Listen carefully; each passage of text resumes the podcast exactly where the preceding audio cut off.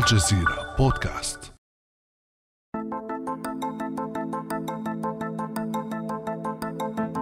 حرية مطلقة وحياة حرة بلا جدول أو التزامات أو ضغط تسافر أين تشاء متى تشاء وكيفما تشاء وتصرف بلا حدود.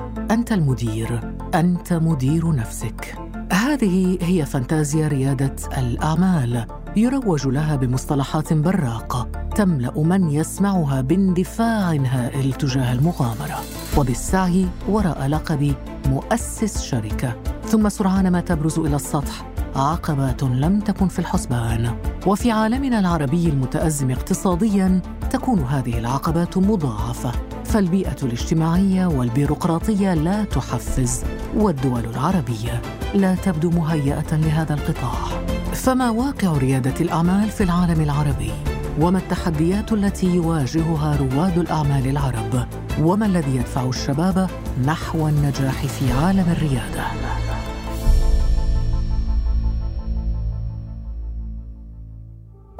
بعد أمس من الجزيرة بودكاست أنا خديجة بن جنة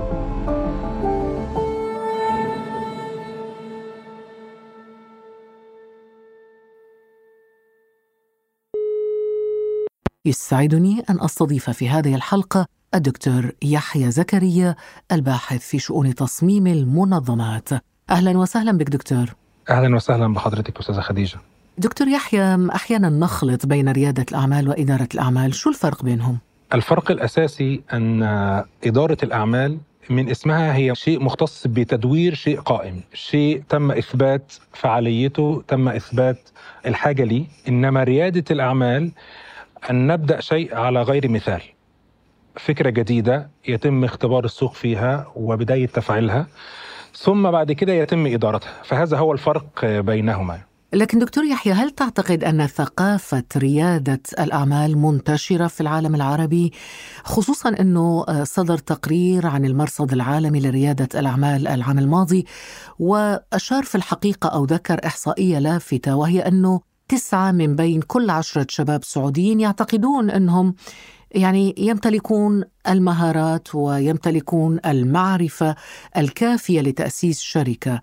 هل هذا يشير إلى وجود ثقافة ريادية أو ثقافة في ريادة الأعمال لدى الشباب العرب برأيك؟ يوجد ثقافة عامة لكن ليس وعي حقيقي يبنى عليه مشاريع ناجحة ولذلك إحصائيات مثل هذه الإحصائية لابد أن توضع في سياقها. إذا كان تسعة من عشرة يستطيعوا أو يظنوا أنهم يستطيعوا القيام بمبادرات أو بمشاريع طيب ما هي النسبة التي تحدثنا عن المشاريع الناجحة الإحصائيتين لازم يوضعوا أمام بعض حتى نقول أو ندعي أننا لدينا مؤشر حقيقي نقيس به ثقافة رياده الأعمال ووعيها الحقيقي الذي يبنى عليه عمل وليس مجرد بروباغندا أو دعاية زائفة.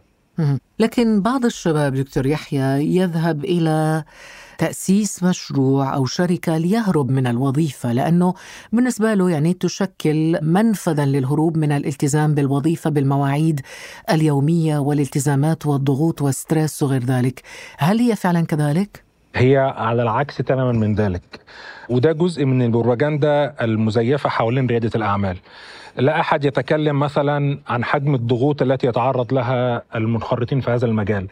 لا أحد يتحدث مثلا عن حالات الطلاق التي تحدث في من يتخذ هذا القرار. يعني الطلاق آه بسبب هذه نقطة لافتة جدا يعني الذين يتجهون نحو تأسيس شركات أو مشاريع خاصة يعني معرضون للطلاق أكثر؟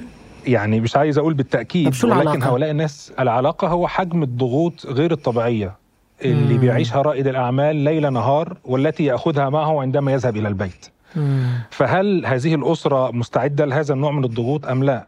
في بعض الأبحاث بتتكلم عن أحيانا تظهر أفكار انتحارية حتى وأحيانا حالات اكتئاب أنا هنا لا أريد تصدير صورة متشائمة أو قاتمة عن الموضوع لكن نعم ولكن ولكن تصدر صورة مفادها أنه الوظيفة أرحم بكثير يعني أحيانا في بعض التدريبات اللي بنقولها نقول لا يوجد حل وحيد يعني يليق بكل الناس مم. كل إنسان لديه مجموعة من المهارات مجموعة من الميول النفسية مجموعة من القدرات على التحمل ليس كل الناس يعني ليس الحل أن يكون كل الناس رواد أعمال مم. أحسن شيء أحيانا يكون لبعض الناس أن تكون موظف والموظف ليست سبة مهم.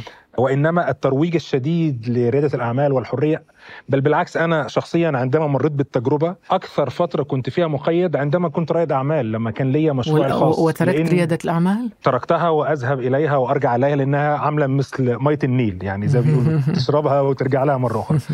آه، فأنا عندي هذه الميول أحيانا أستطيع إن أخش المجال واحيانا أنسحب منه لأني لا أتحمله. فالموضوع ليس بالبساطة إن الإنسان سيكون حر وإن هيكون ملك قراره. لأن كل من هم تحتك مسؤولين منك صحيح يعني إذا أنت موظف أنت ليك مدير واحد. إذا أنت مدير أعمال أنت ليك عدد لا نهائي من المديرين. يشمل العملاء يشمل الشركاء يشمل كل من تتعامل معه.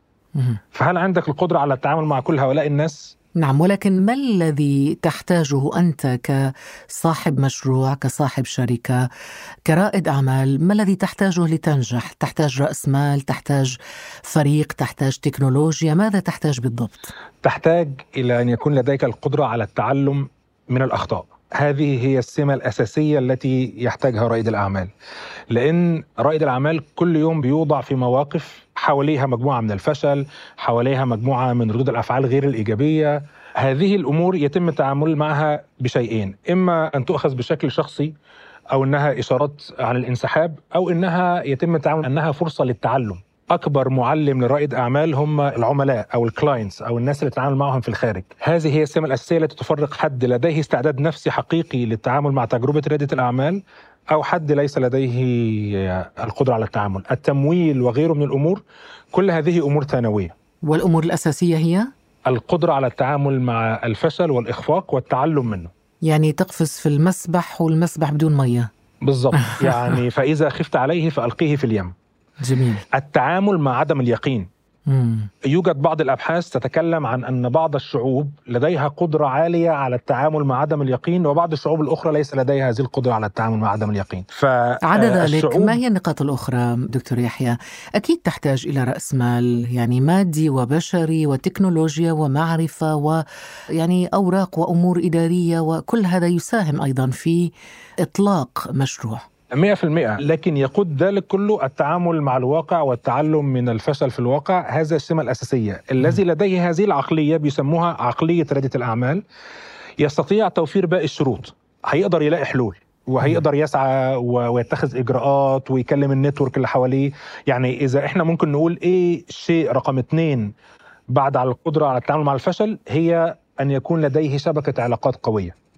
لأن شبكة العلاقات القوية هي اللي هتفتح له الأبواب وتفتح له الفرص وتفتح له المنافذ إذا شبكة العلاقات القوية وقبلها القدرة على التعامل مع الفشل، لكن نسبة الفشل دكتور يحيى عادة تكون نسبة ضئيلة أم أنك من البداية ستقدر أنه يمكن أن يفشل تماما هذا المشروع؟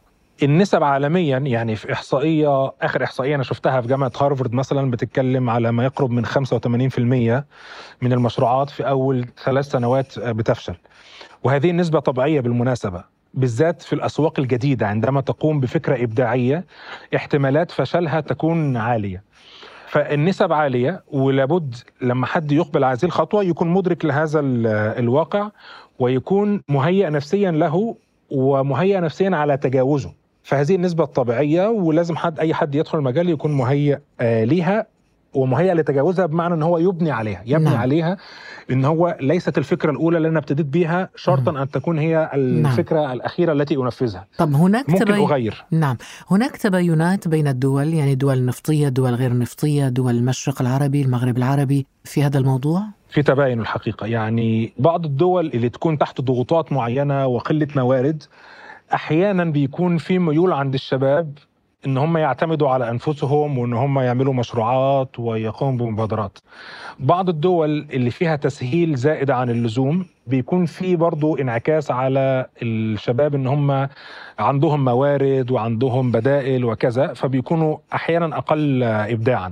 يعني مثلا من أكثر الأماكن اللي فيها إبداع في رياده الأعمال وأفكار فعلا جيدة غزة مثلا لأن الناس تحت القصف المستمر والناس عندهم تعايش مع حالة اللا يقين ففكرة إن أنت دايما مهدد ده بيؤهلك لما ممكن يقول لي مشروعك على المستوى الثقافي والنفسي حتى.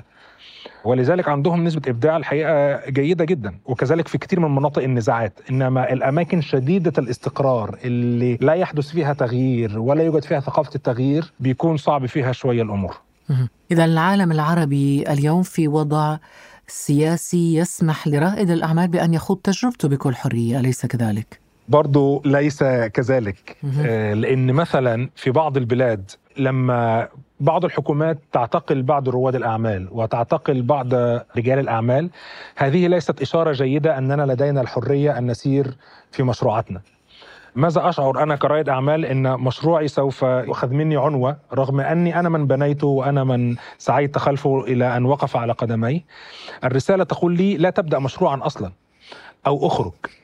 ولذلك في حالات نزوح كبيرة جدا في بعض البلاد اللي تعاني من قلة الحريات وقلة التمكين الاقتصادي وحتى التمكين السياسي. ولذلك أحيانا أنا أشعر إن بعض الدول بتستخدم رياده الأعمال للتغطية على ما لديها من مشاكل في الحريات الحقيقة، فهم يريدون إشغال الشباب ببعض الفانتازيا والكرنفالات والمهرجانات بعيدا عن الهم الأساسي اللي الناس المفروض تشتبك معه وهو الهم السياسي وهم الحرية والانعتاق. ولكن بالمقابل هناك أيضا حكومات عربية تقدم للشباب فرص لإطلاق مشاريعهم الخاصة، قد يكون لأهداف سياسية ولكن في النهاية هذه فرص تقدم للشباب.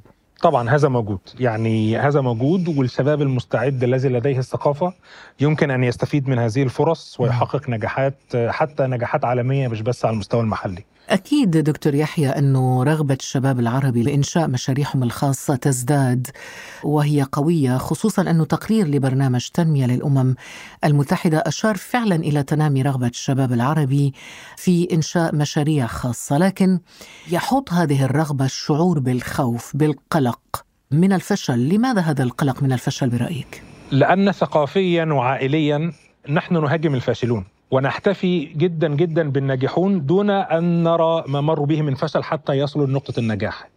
يعني ما أريد أن اقوله أن النجاح لا يأتي من أول مرة بالذات في مجال ريادة الأعمال مثلا في سيليكون فالي مثلا في أمريكا عندهم مصطلح بيسموه failurepreneur إحنا بنقول عندنا entrepreneur يعني رائد أعمال. failurepreneur يعني الشخص الذي تعود الفشل.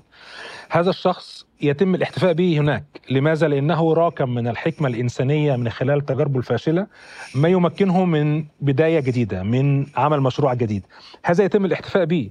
بعض الأماكن فعلا بيحتفلوا مع بعض. إذا مشروع انتهى وفشل وأغلق يجتمعوا مع بعض ويناقشوا الدروس المستفادة ويحتفلوا بهذه الخبرة التي تعلموا فيها. نعم. نحن ليس لدينا هذه الثقافة. من يفشل يعني تلقى إليه السهام ويتم نبذه مجتمعيا ويتم التعامل معه بشيء نعم. آه، فعلا سيء طب في مشكلة في التقليد دكتور يعني لو رواد الأعمال خصوصا من الشباب لو استنسخوا نماذج لمشاريع غربية ناجحة وهل تبدو البيئة العربية برأيك ملائمة لنجاح مثل هذه المشاريع المستنسخة؟ الحقيقة دي هذه أحد الإشكاليات الأساسية في ريادة الأعمال في عالمنا العربي إن كل شاب بيحلم إن هو يكون إيلون ماسك الجديد أو يكون ستيف جوبز الجديد. الحقيقة إحنا تحدياتنا مختلفة. ونريد مشاريعنا تكون نابعة من بيئتنا من أسئلتنا ومن إشكالاتنا اللي على مستوانا المحلي. ولذلك الاستنساخ دون وعي بهذه الطريقة الحقيقة لن يفيد المنطقة نعم ولكن هنا تتحدث البلاد. عن استنساخ نماذج إيجابية. يعني ذكرت ستيف جوبز وإيلون ماسك. يعني هذه نماذج إيجابية. لماذا لا تحبذ استنساخ مثل هذه التجارب؟ فقط نسأل أنفسنا سؤال. هل المشاريع نابعة من بيئتنا وتساهم في حل تحدياتنا المحلية أم لا؟ إنما إن أنا أستنسخ مثال هو كان ناجح في سياقه لكن ليس شرطا أن يكون ناجحا في سياقي. هو ده اللي بتكلم عليه. استلهم من أي مكان تعلم من أي مكان خذ الحكمة من أي مكان لكن عندما تقوم بمشروع فكر في أهلك. فكر في الناس التي يعني بشكل براجماتي بحت فكر في من ستأخذ منهم أموال في زبائنك. نعم. هل هؤلاء الزبائن سيدفعون لك أم لا؟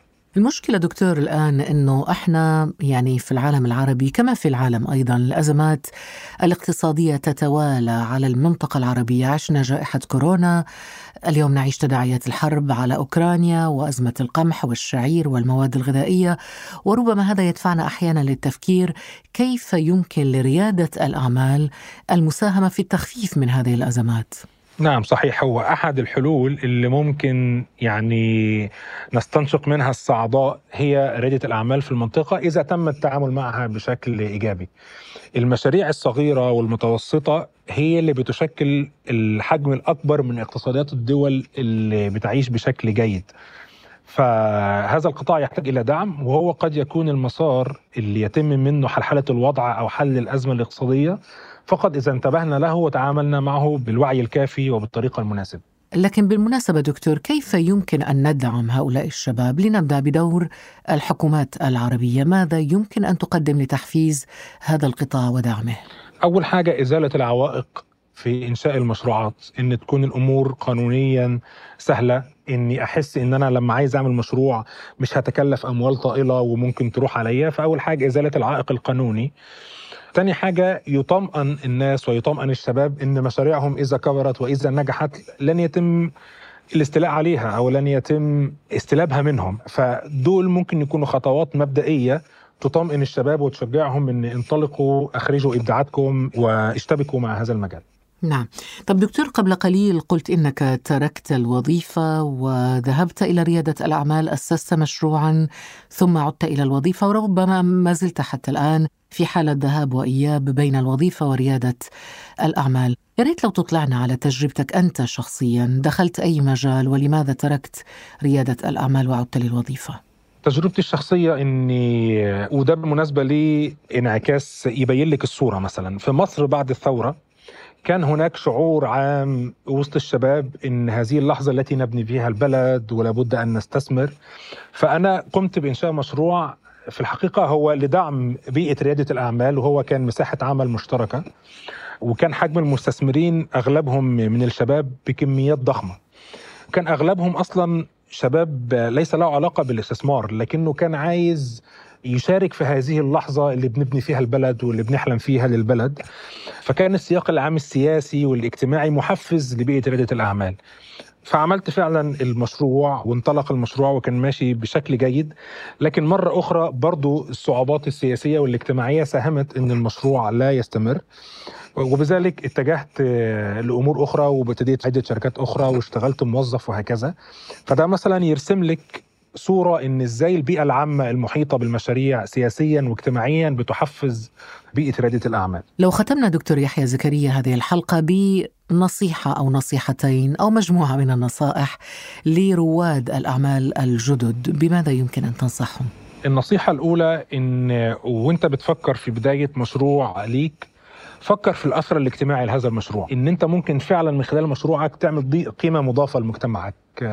تساهم في تقوية مجتمعك بشكل حقيقي. فبجانب التفكير في الربح المادي وبجانب التفكير في الأرباح اللي ممكن تعملها فكر في الأثر الاقتصادي من مشروعك. ده رقم واحد. رقم اثنين دايما اشتبك مع أصحاب القلوب والأحلام المتشابهة التي تشابهك. ابني شبكة قوية اشتبك مع الناس وسع دائرة علاقاتك لأن هذه الشبكة هي هتكون الداعم الأكبر ليك خلال رحلة رياده الأعمال.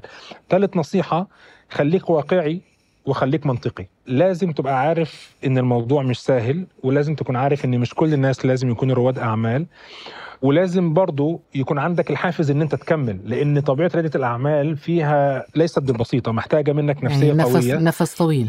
نفس طويل. تقف على قدمك مرة أخرى. أي رد فعل سلبي من عميل أو من شريك أو من غيره دي فرصة للتعلم. نعم. لابد النظر لكل لحظات الصعوبات كفرص للتعلم. وفرص لمراكمة الحكمة الإنسانية اللي تخليك تقدر تمشي في مشروعك بشكل أفضل وتنطلق فيه في نعم. المستقبل. طب أنا عجبتني خليك واقعي. يعني ربما بعض رجال أو رواد الأعمال الشباب بيفكر إنه بعد أشهر سيصبح مليونيرا. كانت البشرية كانت في وضع غير اللي إحنا فيه الآن. يعني إحنا كل يوم نسبة الفقر تزيد ونسبة ال- بالمناسبة يعني دي حاجة محتاجين نفكر فيها. نسبة الفقر اللي بتزيد كل يوم. كل يوم بيمر فينا في ناس بينزلوا تحت خط الفقر. وبالمناسبة كل يوم المليارات وأصحاب الغنى الفاحش بيزدادوا غنى.